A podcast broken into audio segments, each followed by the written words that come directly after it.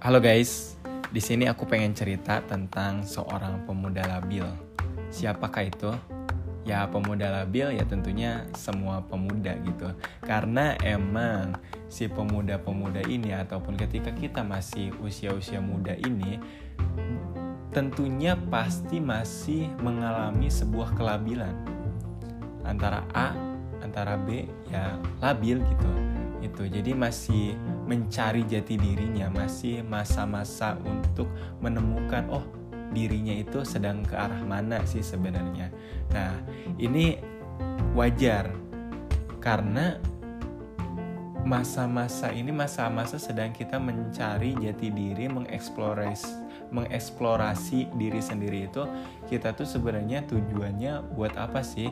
Kita arahnya ke mana sih? Makanya wajar juga banyak yang kebingungan terkait kehidupannya masa-masa galaunya kemudian oh bingung kerjanya passionnya apa sih? dan segala macam. Banyak pertanyaan-pertanyaan banyak kerumitan-kerumitan banyak ketakutan-ketakutan untuk menghadapi masa depan. Karena itu posisinya kita tuh sebagai pemuda itu masih labil.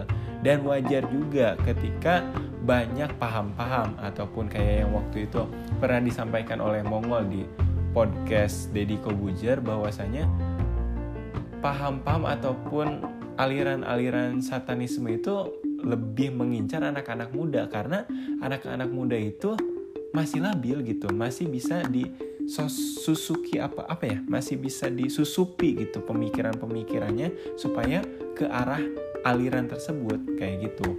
Nah itu.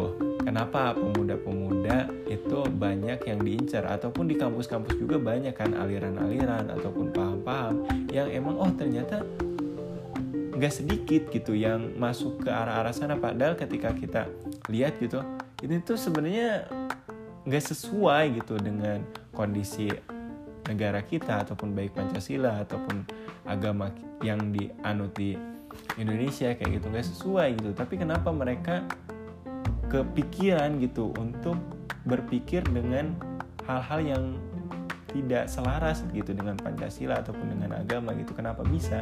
Karena itu disusupi dengan paham-paham yang emang mereka itu masih kondisi labil, masih mencari jati diri, masih mengeksplorasi diri. Oh, mana sih yang benar? Oh, mana sih yang salah?